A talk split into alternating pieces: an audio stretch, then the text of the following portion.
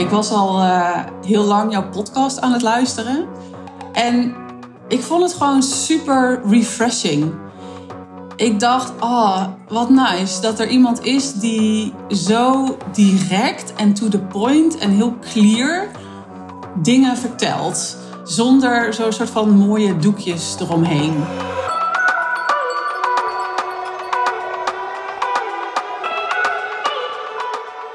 Ik heb vandaag weer een internationale aflevering voor je. Want uh, de gast in deze aflevering woont niet in Nederland. Dat komt vaker voor bij klanten van mij. Eerder kon je bijvoorbeeld luisteren in deze podcast naar Tess Keizer, die tegenwoordig uh, op Ibiza woont. Of uh, naar Lotte Pongers, die tegenwoordig in Dubai woont. En ook vandaag dus weer een gast die um, in een heel ander land dan Nederland woont. Ik verklap nog eventjes niet welke, mag ze zelf doen. Is leuk. Ik wens je heel veel luisterplezier. Hier is voor je Tess Baghuis. Hey Tess, superleuk dat je te gast bent in de podcast vandaag. Welkom. Ja, dankjewel. Leuk om er te zijn. Jij bent uh, Tess Baghuis. We hebben al een uh, Tess in de podcast gehad, dus ik zeg het er maar even bij. En wat, ik, ja, wat interessant is aan jou, wat ik gelijk maar even wil noemen, is jij woont niet in Nederland. Klopt. Waar woon je? Ik woon in IJsland. Kijk, dan denken mensen, oh, die woont in Spanje. Of uh, nee, Tess woont in IJsland. Ja, of all places.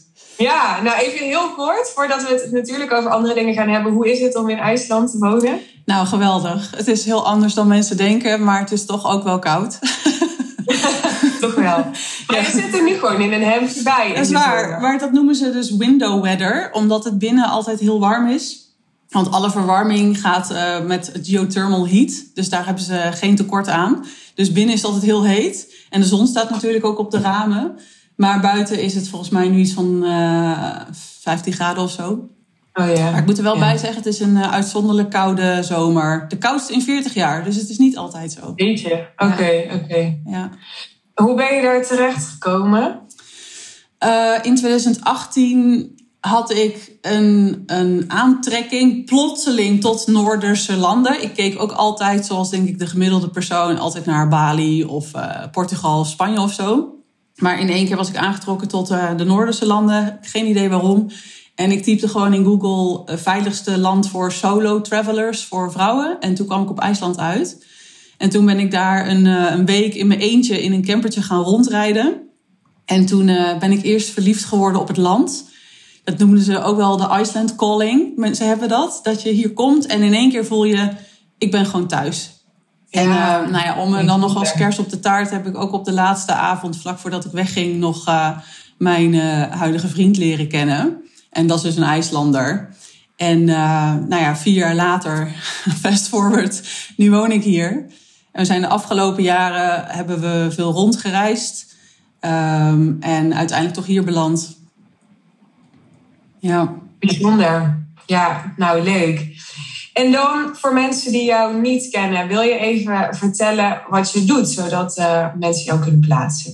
Yes, ja, ik help uh, kennisondernemers met mijn money making tool om veel meer grip op hun sales en cashflow te krijgen. En waarom is dat belangrijk? Omdat bedrijven die gaan niet failliet doordat ze geen winst hebben, maar wel als ze geen cash hebben. Dus uh, op die manier zorgen we ervoor dat je altijd blijft groeien op een gezonde manier. En ook doordat je weet, waar gaat mijn geld nou eigenlijk naartoe? Want ik geloof heel erg dat als jij serieus wil groeien. Kijk, in het begin kan je allemaal nog een beetje aanklooien, zeg maar. Maar als je serieus wil groeien, dan moet je gewoon echt wel inzicht hebben in uh, waar je geld vandaan komt, waar het naartoe gaat en uh, waar je het in kan investeren. Ja, ja.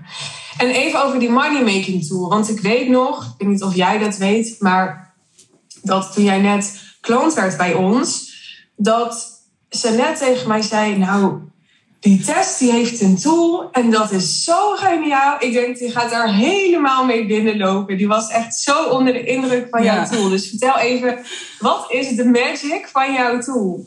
Nou, de magic van de tool is dat je in één oogopslag kan zien wat je geldstatus eigenlijk gewoon is. Dus ik focus me heel erg op cashflow, want dat vind ik het allerbelangrijkste. En als jij in één oogopslag kan zien, ook in de toekomst kan kijken, want het, ik heb het nu op een jaar staan, hè, dus je kan alle maanden zien. En als jij die tool invult en natuurlijk ook bijhoudt, en dat doe je gewoon door je, door je werkelijke inkomsten daar eventjes in te zetten. Helemaal niet, uh, je moet daar geen boekhouder of zo voor zijn, gewoon heel makkelijk. Dan kan jij in de toekomst zien, simpelweg of iets rood wordt of groen blijft, of jij genoeg cash gaat hebben. Bijvoorbeeld, stel we zijn nu, ja, we zijn nu in augustus dan kan ik perfect zien, oké, in december, als ik zo doorga, sta ik er op deze manier voor. En dan leg ik ook een financieel plan naast de realiteit. Dus mhm. in het financieel plan kunnen we helemaal gaan kijken wat natuurlijk de bedoeling is. Daar kan je dan aan vasthouden om er ook bijbehorende stappen bij te zetten. Maar die tool heeft dus enerzijds uh, het plan en anderzijds de realiteit. En die worden dan ook nog naast elkaar gelegd. Zodat je precies kan zien, ben ik nou minder goed dan mijn financieel plan bezig? Of precies zoals ik had bedacht in mijn financieel plan, of hè, mijn moneyplan, of ben ik zelfs beter bezig? Ja, maar het is niet zo dat mensen die tool bij jou kopen en dan zeggen: Nou, uh, bedankt en uh, ik ga hiermee aan de slag. Jij bent ook wel echt coach, toch? Dus waar zit hem dan jouw begeleiding en jouw coaching in voor jouw klanten? Nou, ik noem dat dan dus de puzzel. Dus je hebt dan de puzzel van geld, tijd en de energie die je ergens insteekt. Maar laten we even geld en tijd pakken, want dat kan je veel beter meten, namelijk gewoon in geld en in uren. Dus in die, die, die tool is heel leuk, kan je allemaal invullen. Maar vervolgens moet je wel weer weten hoe ga ik dat dan implementeren? Hoe ga ik dat dan ook invullen? Dus ik vertrek heel erg eerst vanuit, ik noem dat dan de taalversie. Dus je vertelt mij in woorden wat je wil. Dan vertalen we dat naar geld. Want als jij zegt ik wil een jaar de wereld rondreizen, dan kan je dat ook uitdrukken in een bepaald bedrag. Want dat kost geld. Hè, dus dat, dat vullen we dan in. En vervolgens gaan we dan weer kijken, oké, hier staat nu bijvoorbeeld 500.000 euro. Dat wil ik omzetten in een jaar. En dan gaan we kijken, oké, hoe gaan we dat dan doen? Want dan ga ik kijken, oké, kan ik dat dan met mijn huidige aanbod doen? Moet ik mijn aanbod daarvoor aanpassen? Moet ik misschien een nieuwe doelgroep daarvoor aantrekken? Uh, en ook vooral, niet te vergeten, wie moet ik daarvoor worden om die omzet te kunnen draaien qua identiteit, qua persoon. Dus de coaching zit hem heel erg in, in het uitvoeren van wat er natuurlijk in dat financieel plan staat. Want je kan het allemaal leuk invullen en dan staat er, ah, dat gaat mij lukken, want ik heb dat in een plan ingevuld. Maar je moet het natuurlijk ook nog wel doen. En, en sta jij dan naast een business coach uh, als een, een financieel mentor? Of um, neem jij echt ook de plek van de business coach in bij jouw klanten? Ja, ik neem ook wel de, de plek van de business coach in. Dus we gaan ook echt kijken naar, oké, nu hebben we de, die cijfers. Ik, ik vind dat een, parallelle, een parallel iets. Dus enerzijds heb je de cijfers en anderzijds heb je de invulling daarvan. En dat als geheel is wat er tot uiting komt in, in het bedrijf van, uh, van mijn klanten. Ja, Oké, nou, nu hebben we een beeld. Jij woont in IJsland. Wat je doet, je werkt dus, trek even die conclusie, helemaal locatie onafhankelijk. Ik ga nu even op de stoel van de luisteraar zitten. Dan weet ik als Suus, dat is niet helemaal waar. Want jij laat ook mensen naar IJsland komen, toch? Ja, ja klopt. Ja, ik vind het heel mooi om dingen te combineren. Uh, dat zie ik ook bij mijn klanten. Ik vind dat daar dat echt wel de gouden... Daar zit het goud om dingen te combineren. En het kan van alles zijn. En voor mezelf heb ik dus... Uh, de combinatie cijfers en vervolgens de invulling daarvan. En ook online werken en real-life experience. En toevallig is mijn uh, IJsland uh, inspiratiereis vorige week, of een halve week geleden, zijn mijn klanten naar huis gegaan. Ja. En um, ja, het was echt heel prachtig. Omdat ja, je kan vanuit harde cijfers vertrekken. Maar zoals ik al zei, je moet ook, je moet ook emotioneel en eh, identiteitsgewijs die persoon worden en zijn. En daar gebruik ik dit land eh, voor als metafoor. Want ik vind dat IJsland, als je, als je iets visualiseert, in Nederland bijvoorbeeld, van stel je voor dat je een hele grote vlakte hebt waarin alles nog mogelijk is voor je onderneming. Die vlakte heb je letterlijk in IJsland. Dus met zo'n oefening heb ik mijn klanten vorige week letterlijk een oneindig, en dat bedoel ik ook letterlijk oneindig veld nou ja, letterlijk natuurlijk niet, maar kilometers lang veld uh, laten oplopen met dat idee. En dat doet gewoon iets met je als je dat niet in je hoofd visualiseert, maar daar fysiek gewoon oploopt. En dat kan je gewoon niet ervaren in Nederland. Of, of in België, for that matter. Ja. Ja.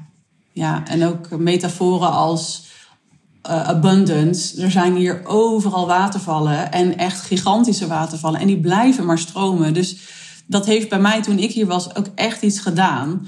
Dat- Je vraagt je gewoon af, waar komt dat, blijft dat water toch de hele tijd vandaan komen? Ja. ja. En als je dat water dan bijvoorbeeld als metafoor ziet voor geld, dan ga je op een andere manier voelen, ja, het is gewoon oneindig. Het, het kan niet opraken. Je kan het altijd weer Ja. opnieuw in een, in een cirkel verdienen. Ja, ja. Oké, nou, jij zit in deze podcast omdat je klant bij ons eh, bent. Mhm. Wat maakte dat je met mij en, en met mijn team, hè, die daarbij hoort, wilde werken? Ja, ik was al eh, heel lang jouw podcast aan het luisteren. Eh, in IJsland, want eh, het is gigantisch hier. Dus ik zat heel vaak in de auto eh, aan het roadtrippen en zo. En toen heb ik die podcast allemaal echt gebinged. En wat ik daar, dat was vorig jaar, geloof ik vooral, in oktober of zo. En ik vond het gewoon super refreshing. Ik dacht, oh, wat nice dat er iemand is die zo direct en to the point en heel clear dingen vertelt. Zonder zo'n soort van mooie doekjes eromheen. En dus die hele vibe van die directheid en een beetje no bullshit-achtige attitude. Gecombineerd met echt wel, in, zelfs in die podcast al, heel concrete tips die je kon doen. En ik merkte toen in mijn, in mijn business, en voor de luisteraar, ik ben dan in januari dit jaar ingestapt. Dus vorig jaar was ik echt nog een aantal maanden niet in jouw traject. Toen merkte ik dat dat al begon te helpen. Gewoon die podcast, want ik, ik ging dingen implementeren. Maar ik ging ook een, een- vooral een houding Ja, aannemen door die podcast. En dan als je, mensen zijn misschien benieuwd wat dan. Bijvoorbeeld heel specifiek een, een houding om niet zo te pleasen naar mijn klanten. Dat nam ik al aan. En een bepaalde leiderschapshouding. En toen dacht ik, ja, daar wil ik wel meer van leren. En eind vorig jaar zat ik een beetje vast in mijn bedrijf. Ook omdat het dan het eind van het jaar is. Hè? En meestal stel je gewoon een jaardoel en ga je toch aan het eind in letterlijk december kijken. Nou, hoe is het dan gegaan? En ik dacht, ja, dit moet toch allemaal veel sneller kunnen en veel, veel makkelijker en veel beter. En toen wist ik gewoon, ik moet iets doorbreken op meerdere niveaus. Dus op persoonlijk niveau, maar ook financieel niveau. En ik dacht, eh, ja, jij was eigenlijk gewoon de enige waar ik aan dacht. Omdat ik al maandenlang die podcast aan het luisteren was. En wat precies, eh, je zei ik vond het heel refreshing, hè, dus verfrissend, maar eh, ja, wat dan precies? Want je zou kunnen denken, nou ja, er zijn wel meer coaches die een soort no bullshit houding aannemen. Of misschien in jouw optiek niet, hè, dat kan ook. Maar kan je nog specifieker zijn over wat je zo verfrissend vond? Ja, ik denk de hele clean-cut manier om dingen aan te pakken. Dus ook weer om een concreet voorbeeld te noemen. Je hebt ergens een keer een podcast waarin je dus zegt... als je klanten in een sales call niet overtuigd zijn... dan gaan ze al helemaal niet overtuigd zijn als je het via een mailtje probeert. Weet je, dus altijd in de sales call gewoon een sales closen... en niet zo'n ellenlange mail met een of andere offerte sturen. Dat soort dingetjes. Gewoon heel, dat is echt heel concreet. Super, super nuttig. En ook hoe je kijkt naar de verantwoordelijkheid van een coach ten opzichte van, van een klant. En nu moet ik echt even graven in mijn geheugen. maar ja, ik denk Nou ja, ik, dingen. het gaat me niet eens zozeer misschien om de praktische voorbeelden, maar ik ben gewoon meer benieuwd van, is er dan in jouw optiek niet een andere coach in Nederland of zijn er dan niet andere coaches die eenzelfde houding hebben als ik? Vind jij dan mijn houding echt onderscheidend? Daar ben ik gewoon even nieuwsgierig naar. Ja, vind ik wel. Ik moet ook wel zeggen, ik heb niet alle coaches hun podcast geluisterd. Maar waar, Nee. ik, waar ik een beetje kriegelig persoonlijk van word, eigenlijk nog steeds, zijn toch een soort van de lachende Instagram gezichten met een bepaalde camera angle, zeg maar. En dan gaat het allemaal over alles is altijd mogelijk. En ik geloof in dat stukje van dat alles mogelijk is. Maar daar hoort ook gewoon nog een heel erg soort van rauwe realiteit bij. En ik vind dat jij die ook belicht in jouw podcast. Dus ik vond dat meer een totaalplaatje vergeleken met alleen maar de juiste dingen zeggen en alleen maar over successen praten. Om maar een bepaald mooi beeld te schetsen voor de luisteraar. Ja, ja. Nou, je vertelde al dat je in uh, januari met ons startte en nu is het augustus als wij dit opnemen. Wat heeft het je opgeleverd in die periode? Nou, heel veel. Um, sowieso persoonlijk als, als, als mens en als identiteit, waar ik het zelf ook over heb met mijn klanten. Ja, ten eerste, als je een grote investering doet in een coach, dan is dat proces al in gang gezet. En met proces bedoel ik dat je jezelf echt letterlijk naar een hoger niveau tilt qua ja, wat voor soort ondernemer je eigenlijk bent. Want toen ik die investering deed, dacht ik, ah, nu ben ik dus blijkbaar zo iemand die dat soort investeringen doet. En onbewust, en vast ook wel bewust, maar het traject was nog niet eens echt begonnen. En toen ging ik al dingen verkopen die bijna vijf keer zoveel waren qua prijs dan dat ik in 2021 deed. En het ging echt een soort van van een leien dakje. Het was echt bizar. Ja. Ik weet nog dat ik uh, in januari had ik toegezegd, maar het begon in februari. Omdat ik in januari nog zo half in Nederland aan het uh, rondlopen was. En ik zei eh, tegen jullie, nou laten we beginnen in februari, want dan heb ik weer een vast appartement. Dan kan ik me beter focussen. Maar daarvoor had ik dus al twee verkopen gedaan van mijn aanbod, wat dus in vijf keer was verhoogd in prijs. En ik weet nog dat jij en Jeannette echt dachten, maar hoe, maar hoe dan? Weet je wel? En dat is denk ik gewoon energetisch. Dat je toch denkt, nou, ik ga het gewoon, ik ga het gewoon nu zo doen. En ik heb dan ook wel echt een knop omgezet van, nou, nu doe ik het dus gewoon zo. Ja. En alleen dat al is natuurlijk heel waardevol. Ja. Ja, dat is interessant denk ik om even op in te gaan. Want kijk, mijn begeleiding en coaching en visie en ideeën en zo, dat is één ding. Het is altijd in die end een co-creatie. Dus de persoonlijkheid en de houding uh, van onze klant, onze coachie en de ondernemer is minstens zo belangrijk in wat uiteindelijk de output gaat zijn en welke resultaten iemand behaalt. Als jij nou terugkijkt naar jezelf, wat heeft dan gemaakt, denk jij, dat jij een hele uh, succesvolle klant voor ons was en bent? Nou, ik denk dat dat komt door dat je dus, eh, wat ik eigenlijk net zei, dat je gewoon een keuze maakt. En dan bedoel ik ook innerlijk. Dus dat je innerlijk ook de keuze maakt van nou ga ik dit zo doen. En daar ook niet meer naar terug gaat kijken van oeh, je maakt een keuze en dat je dan op die keuze gaat terugkomen. Ik denk dat dat echt wel heel belangrijk is. Dus dat, is, dat, is, dat heeft denk ik de deur in het begin opengezet. En daarna, ja, het was soms wel moeilijk en confronterend. En ik ben mezelf ook echt wel heel serieus tegengekomen in, uh, in het traject.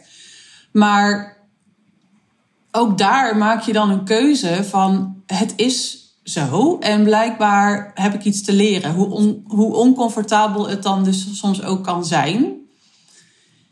En ja, ik, ik noem dat dus altijd open deuren denken. Je moet altijd een open deur houden in je hoofd. Dus niet gaan denken, oh, dit werkt niet of dit kan niet. Ik denk dat dat gewoon heel belangrijk is. Dus een, een open houding hebben en altijd ook het vertrouwen hebben dat, dat er altijd wel een manier is om te groeien. En wat je vooral niet moet doen, is stil gaan staan en al helemaal niet terug gaan lopen. Dat is uh, denk ik het allerbelangrijkste. En, en, die, en dat in jezelf ontdekken. En dat denk ik dat dit traject dus super hard mee heeft geholpen. Want ja, wat ik wel heb geleerd is, je moet het echt ook gewoon zelf doen. En wel met hulp uiteraard. En ik denk dat dat, dat wel een, een uh, interessante leerschool was. Je vertelde net, ik ben mezelf ook wel echt serieus tegengekomen. Kun je daar iets over delen, hoe dat eruit zag? Ja, dat zag er letterlijk uit als tranen. ja, ik, ik, de, ik kwam heel erg, uh, heel erg confronterend tegen dat ik onbewust toch nog ergens niet helemaal in mezelf geloofde. En dat is echt een thema in mijn leven geweest, kan ik nu dus zeggen, in de verleden tijd. En dat kwam echt nog naar boven. En het is vaak, denk ik, dat je denkt: oh, ik heb dingen verwerkt of dit patroon is er niet meer. Maar dan wordt er toch nog een soort van final test op je pad gegooid. ik denk dat dat nu wel echt is gebeurd. Want ja, jij gelooft heel erg in mij, Jeannette gelooft ook heel erg in mij. En dat, als je dan niet volledig in jezelf gelooft, dat er toch nog een greintje zit van dat je toch nog moet bewijzen of zo aan jezelf. Ik, ik kan nog steeds niet helemaal precies uh, concreet zeggen waar het op neerkomt, maar dan zie je gewoon, ja, ik ben gewoon echt oprecht zelf mijn eigen limiting factor. En dat is heel confronterend, want je kan je helemaal niet meer verschuilen achter allerlei andere argumenten. En ja, wat ik, wat ik, hoe ik mezelf ben tegengekomen is. Ik ben gewoon door heel veel emoties gegaan. Emoties van angst, emotie van tegenovergestelde van vertrouwen, zeg maar. Ja, wat is dat tegenovergestelde van vertrouwen? Eh, dat ik ja, daar echt werd in, werd uitgedaagd. En um, ja, op een gegeven moment begon ik echt zo te spartelen. En uh, hoe zag dat er praktisch uit? Wat bedoel je met spartelen? Ja, een soort van, van heel veel weerstand voelen en een, een soort van verzet. En ook van, ja, nou, wil heel erg graag willen om een iets uitgestippelder pad, zeg maar, te krijgen. En dat dan niet te krijgen. En dan door allerlei weerstand, of, of en niet in de mate waarin ik het wilde in ieder geval. En um, dan jezelf tegenkomen en denken: ja, ik heb toch dit nu, ik ben toch hier ingestapt en waarom loopt het zo? En dan op een gegeven moment, wat ik dus net ook zei, van je komt dan op een punt van: oké, blijkbaar is dit het zo. Dat spartelen helpt niet. Ja. ja. Dus nu is het dan vooral aan mij om, om daar dan ook iets mee te doen. Ja. En dat heeft wel heel erg geholpen om in een houding te stappen ja, om een nog veel minder afhankelijke houding te zijn. En ik dacht dat ik heel erg onafhankelijk was. En onafhankelijk als in autonoom. Ja. Want ik vind dat je best afhankelijk in de zin van je mag hulp vragen. Maar ja, je snapt het wel. Ja. En dat heeft er wel echt voor gezorgd dat je ja, een soort van kern voelt van, oh ja, ik, I've got this myself also. Weet je wel. En het heeft, wat, wat het mij vooral heeft geleerd is: oh, je hoeft helemaal niet de hele tijd zoveel om bevestiging te vragen om te weten dat je heel goed bent. Ja. En dat is wel echt heel waardevol. Ja. Ja. Ja, wat ik heb waargenomen in jouw energie is, is misschien wel dat. Dat er, ik stimuleer mensen altijd om heel veel vragen te stellen. En de meeste mensen doen dat weinig, maar jij stelde heel veel vragen waar, helemaal niks mis mee is, maar wat wel iets zegt en iets zei over jou en over ja, jouw behoefte. Dus jouw behoefte om eigenlijk steeds weer een soort validatie te krijgen, om even een ander woord te gebruiken. Herken je dat? Ja, zeker. Ja, het is ook gewoon een oud verhaal van mijn leven. En ik zeg altijd, je kan verhalen zeg maar, van wat je hebt meegemaakt gebruiken als verklaring, maar niet als excuus. Maar nu ben ik er zelf achter gekomen dat ik het ook niet eens meer als verklaring hoef te gebruiken. dus het is gewoon helemaal, je hebt het gewoon helemaal niet meer nodig. Ja. Weet je, want je kan continu dat merk, dat vond ik dus ook wel confronterend. Dat je dan merkt, ja, ik hou, ik hou me toch nog ergens vast aan het oude verhaal. Ja. ja. En dat is gewoon helemaal, gewoon 100% niet meer nodig. En dat voelt natuurlijk heel naakt, hè? Want dan denk je, oké, maar ik hou me al uh, toch blijkbaar 32 jaar vast aan, aan, een, aan, een soort van verhaal. En dan moet je helemaal dat hele verhaal toch opnieuw gaan schrijven. En het voelt gewoon heel erg naakt. Ja. Vooral als je grote ambities hebt. Want je voelt je naakt omdat je je niet meer kan verschuilen achter wat dan ook. Maar ook omdat je natuurlijk gaat opvallen omdat je grotere ambities hebt. Ja. Ja. Ja, mooi. Mooi hoe je dat zegt. Kun je nog iets concreter zijn over de resultaten die je hebt behaald? Zijn mensen toch altijd nieuwsgierig naar van waar hebben we het nou concreet over? In, je had het er zelf al over, tijd, geld, Ja. energie. de puzzel. Ja, nou, ik, eh, ik werkte vorig jaar ook niet eh, vijf dagen fulltime in de week. Ik was heel vrij. Ehm, ik was dus allemaal aan het rondreizen vorig jaar. Dus ik denk dat ik in totaal... Nou ja, als je het als werkweek zou optellen... of een werkdag zou optellen... dan denk ik twee tot drie dagen in de week echt wel werk. Met klanten en ook aan mijn bedrijf. Ehm, maar ik heb mijn omzet, het is nu augustus, al wel verdrievoudigd vergeleken met, eh, met vorig jaar. Dus, eh, en mijn doel was om het te vervijfvoudigen tegen het einde van dit jaar. En ik denk dat dat wel gaat lukken. Dus ehm, ja, daar ben ik wel echt heel blij mee. ja. En daar merk ik dus ook in dat je heel snel moet schakelen. Want ergens ben ik dat dus zelf ook nog niet gewend. En je, je, je moet continu dus je identiteit matchen met de realiteit. Dat is wel grappig, hè? Dat, je, dat de realiteit eigenlijk eerst verandert. En dan moet je continu schakelen in plaats Ja. van andersom. Daar had ik het gisteren met iemand over. Want mensen denken heel vaak, hè, dat is natuurlijk wat je ook heel veel hoort van.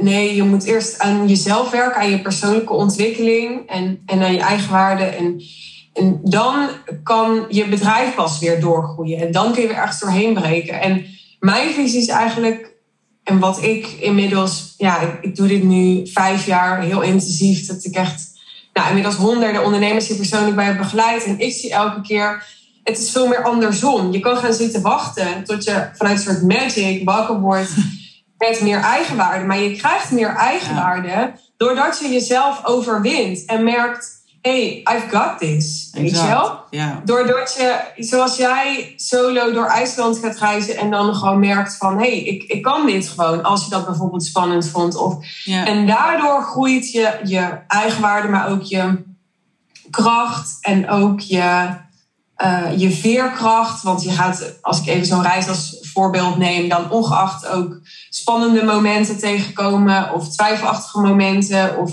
tegenslagen, of ehm, ja, angst tegenkomen. En het feit dat je dat allemaal overleeft, en niet alleen overleeft, maar dat je daar, het is een cliché, maar zijn vaak waar, sterker uitkomt dat maakt dat je, dat je in een cirkel komt. Waarbij je dus eigenlijk eerst zegt: Oké, ik ga in de realiteit ga ik gewoon die vlag eventjes eh 20 meter hoger planten. Dan ga ik daar als persoon ga ik daar naartoe groeien. Ga ik me eigenlijk aan die vlag optrekken. Ja. En doordat je je dan daaraan opgetrokken hebt, zie ik weer dat als mensen dan bij die vlag zijn, dat we zoiets hebben, nou, ik kan nog wel even door. Weet je wel? Want ik heb eigenlijk nog wel energie, want ik heb nu zo goed geleerd hoe ik die berg moet beklimmen. En dan, dan gaat het elkaar versterken als een soort loop. Ja, maar het is echt heel grappig wat je nu zegt. Want dat, was, dat bedoel ik dus met letterlijk dat... Dit is dus een metafoor. Maar dat deden we dus letterlijk in IJsland. grappig. En Ja, we- we- ja. Ik had een berg en het had twee Ja. pieken. Je moest eerst naar de eerste en dan naar de tweede. En mijn klant zegt, onderweg naar die tweede piek... Oh, is dat dan de eerste piek? Ik zei, nee, lieve schat, we zijn er al bijna. En zij zegt, oh, echt? Oh, echt, valt me veel meer mee dan dat ik dacht. Weet je wel? En dat waren continu van dat soort ervaringen. En dat vind ik ook heel waardevol. Daarom, ja, dit was mijn eerste groepsreis naar IJsland. En ik ben nu al de tweede aan het organiseren. Want ik zie gewoon van, wauw, als je dit dus letterlijk ervaart, fysiek... dan eh, werkt dat zo sterk door Ja. in je onderbewuste. Maar het is ook helemaal waar wat je zegt. Want toen ik... Ik ben in 2020 eh, heb ik eh, de eerste, hoe zeg je dat, de foundation gelegd voor mijn bedrijf. En dat, toen zat ik in een burn-out. En toen heb ik ook een brief uit de toekomst van mezelf naar, mijn, dus naar mezelf toen geschreven.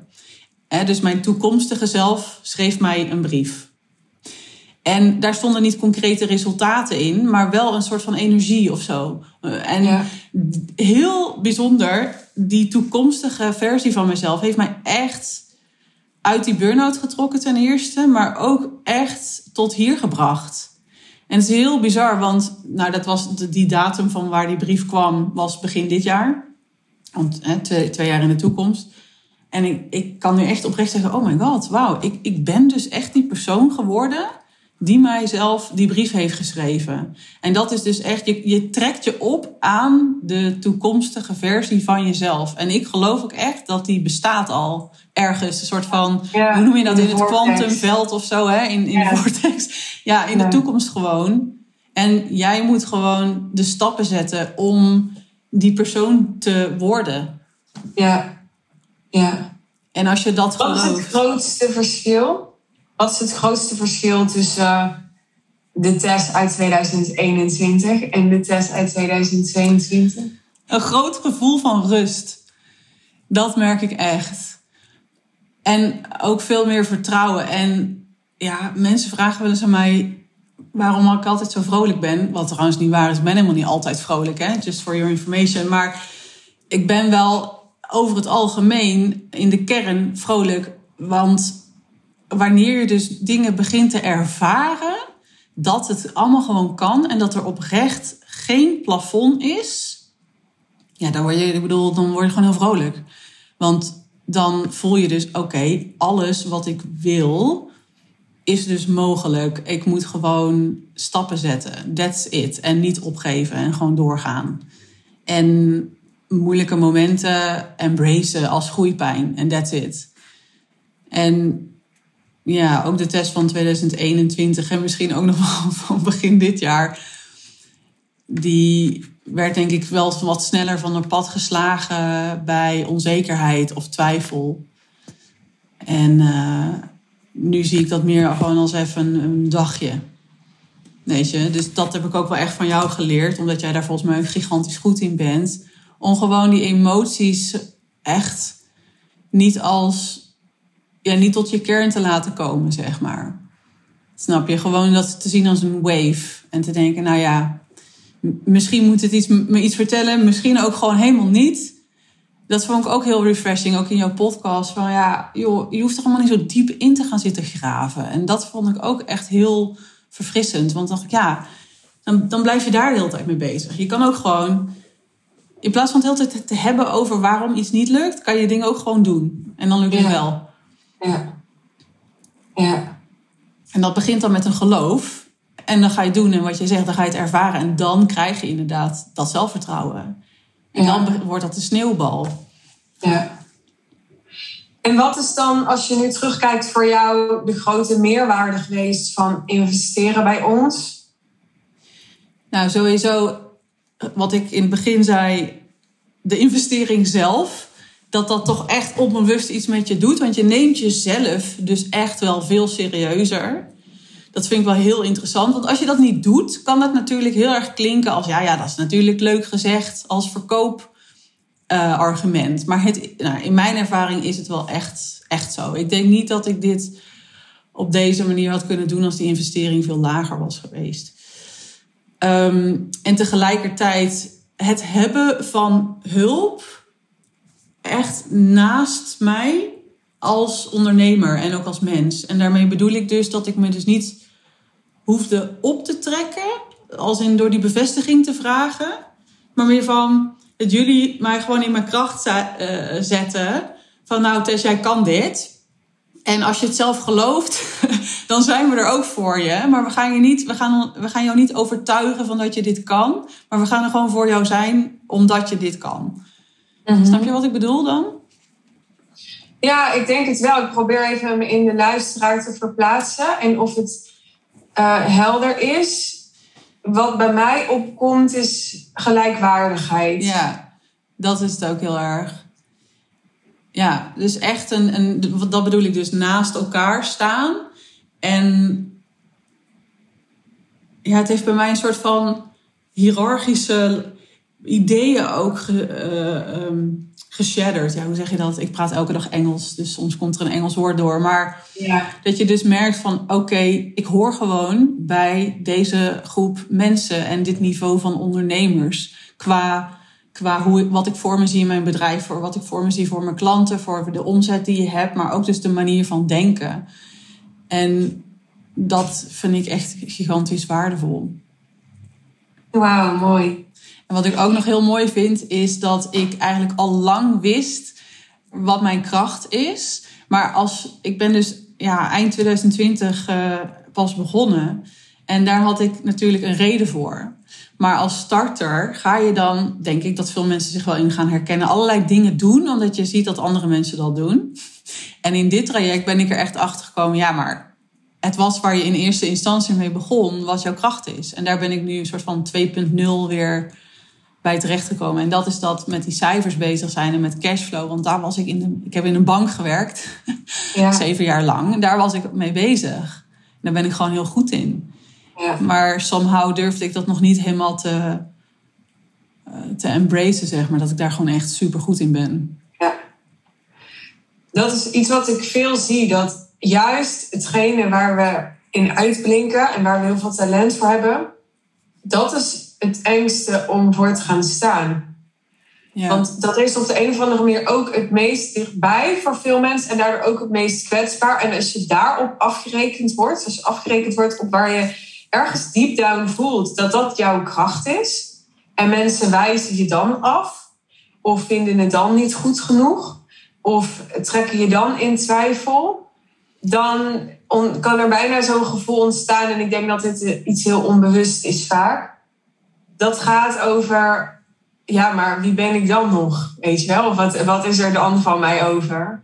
Als, als dit waar ik heel goed in ben al niet goed genoeg is. En dat is denk ik waarom mensen met de mooiste rationalisaties vaak, ik zie dat althans veel, toch een beetje proberen te ontlopen wat heel dichtbij ze staat. Ja alsof het te makkelijk is.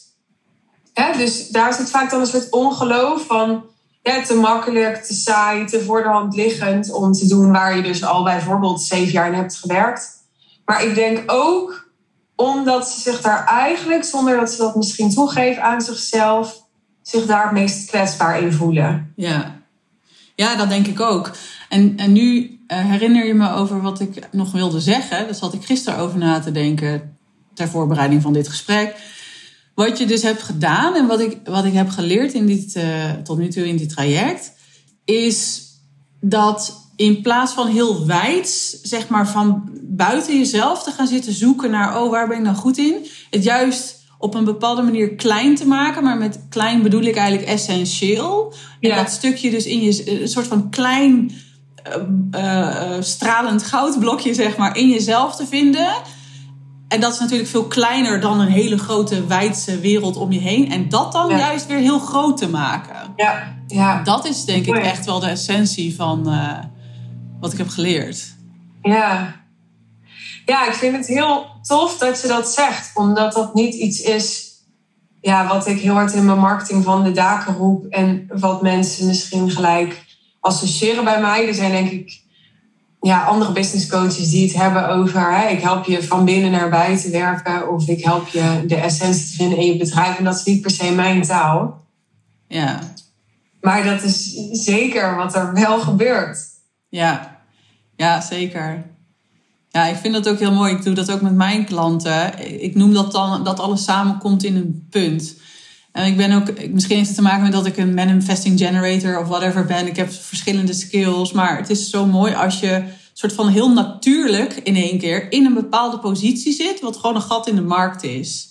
Ja, ja. En ik heb dus klanten die dan ook heel veel ervaring hebben opgedaan in, in een vak in loondienst. En dan nog een persoonlijke interesse en skill in andere dingen. En als ze dat dan samenbrengen, dan is het zo mooi. Want dan denk ik, jij bent gewoon op een natuurlijke wijze, door jouw leven gewoon geleefd te hebben tot nu toe, op een punt beland waarin, het, waarin jij alleen, bijna alleen maar jij dit op deze manier kan aanbieden. En dat is gewoon echt dat goud.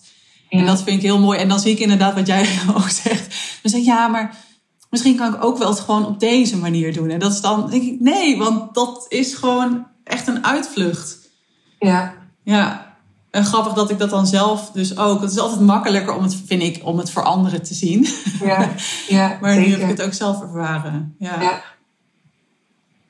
Tess, is er nog iets wat je wilt toevoegen aan dit gesprek en wil meegeven aan wie luistert? Nou, zorg dat je altijd cash hebt. Heel goed. En um, nou ja, misschien is het interessant. Ja, dat vind ik eh, wel. Daar ga ik toch nog even op in dan. Want er zijn ongetwijfeld mensen die hier naar luisteren die denken: uh, ja, fuck, ik wil wel instappen bij Suus, maar die investering, daar hik ik tegenaan. Er zijn ook een heleboel mensen voor wie die investering geen probleem is, dat weet ik ook. Uh, maar ik heb zelf ook fase gehad. Ik heb letterlijk ja, hele spannende momenten gekend, ook in mijn cashflow. Um, ja. Waarbij ik uh, ja, op uh, dinsdag een betaling kreeg van een klant en op donderdag zelf moest betalen. En dat dus net op tijd lukte, omdat ik op dinsdag een betaling had gekregen. Dus hoe kijk jij naar investeren als je geen geld hebt? Want je kunt ook denken, ja shit, ik moet dus eerst cash hebben, geld hebben en dan pas kan ik investeren. Nou ja, een investeer heel simpel en, en, en kort gezegd is een investering is iets wat je geld moet opleveren. Dus als jij geen geld hebt, zo gezegd, want er is ook nog een verschil tussen echt geen geld hebben en denken dat je geen geld hebt. Ja, of eh, weet je, even, ik bedoel, mijn klant heeft niet helemaal geen geld. Maar je kan wel even geen geld hebben, omdat je bijvoorbeeld nu toch nog een businessmodel hebt waarbij je best wel hoge kosten maakt, waardoor je dus soms met je cashflow. Kijk, cashflow struggles zijn niet iets voor starters. Hè? Die, die komen ja, allerlei ondernemers in allerlei fasen tegen. Ja. Ehm, en ik denk dat er veel schaamte op zit. Dat is wat ik heb gezien ook in masterminds en programma's waar ik zelf in heb gezeten. Dat dan juist ook ondernemers die echt wel aan de buitenkant een heel bloeiend bedrijf hadden. En die ook wel geld verdienden. Dan toch soms cashflow problemen hadden. Ja. En juist die ondernemers hebben het vaak nodig om een investering te doen. Het is niet voor niks dat ze in cashflow problemen komen.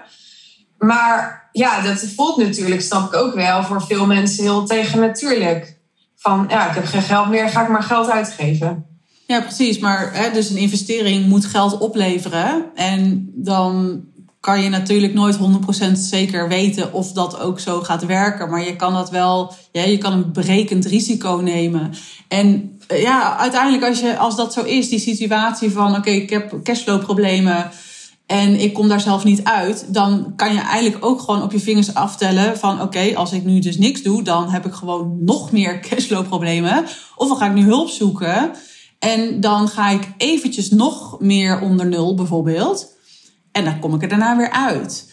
Ehm, en het is ook helemaal niet erg om onder nul te staan. Want ik heb dus zeven jaar als financieel adviseur voor ondernemers in een bank gewerkt. Ja, daar komen mensen continu uh, van die overdrawn dingen aanvragen. Van die leningen om onder nul te kunnen. Of even een geldinjectie hier en daar. En je moet het ook veel groter bekijken. Net zoals dat je als ondernemer daar ben ik ook vrij snel achter gekomen in het begin. Je, kan, je, je moet echt wel veel groter denken, maar dus ook in de tijd. Dus ga niet een maandplan maken of een half jaar. Denk ook gewoon eens over twee jaar na.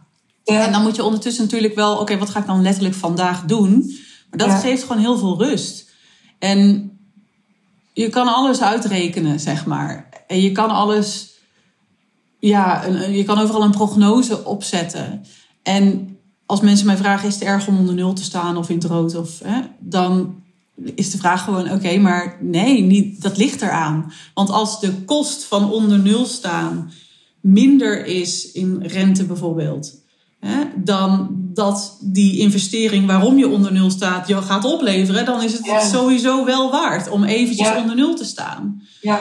Maar wat je, waar je voor moet oppassen is dat dat niet je, je baseline wordt om altijd maar onder nul te staan. dat is dan weer het verschil. Ja, ja. ja mooie nuance. Ja.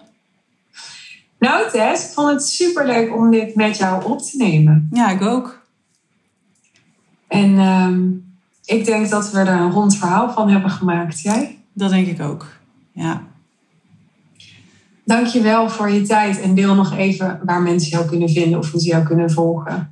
Mensen kunnen mij vinden op Instagram, tess.bachhuis. En Bachhuis is met een G. Ja nou, we zullen je Instagram ook in de show notes zetten. Matthijs die hoort het, dus die, uh, die zal daar vast voor zorgen. Top. En uh, ja, wij spreken elkaar natuurlijk ook gewoon weer. Yes, nou dankjewel. Dit was mijn gesprek met Tess. Ik hoop dat het weer waardevol voor je was. En dank je wel voor je loyaliteit aan deze podcast, mocht je je nog niet geabonneerd hebben of dit kanaal nog niet volgen, dan um, druk eventjes op de abonneerknop op uh, iTunes of op de volgknop op Spotify. Dan blijf je op de hoogte van nieuwe afleveringen. Je kunt mij en Tess uiteraard ook blijven volgen op Instagram. Mij volgt je wellicht al, zo niet, dan vind je mijn Instagram in de show notes. En ook de Insta van Tess zullen we, zoals we al zeiden, delen in de show notes, zodat je haar kunt opzoeken en kunt volgen als je enthousiast geworden bent over wat Tess doet. Of gewoon nieuwsgierig naar uh, hoe het daar de komende tijd als ondernemer zal vergaan. Wil je je takeaways delen? Dat wat er voor jou uitsprong in deze aflevering, waar je echt wat aan hebt gehad, een inzicht of ja, iets wat je heeft aangezet tot het maken van een belangrijke keuze voor je business. Ik ben enorm nieuwsgierig. Je mag me altijd even DM'en. Heel graag weer tot de volgende aflevering. Ik hoop dat je er dan weer bij bent voor nu een mooie dag, avond of nacht. Afhankelijk van wanneer je dit hoort. En uh, talk soon.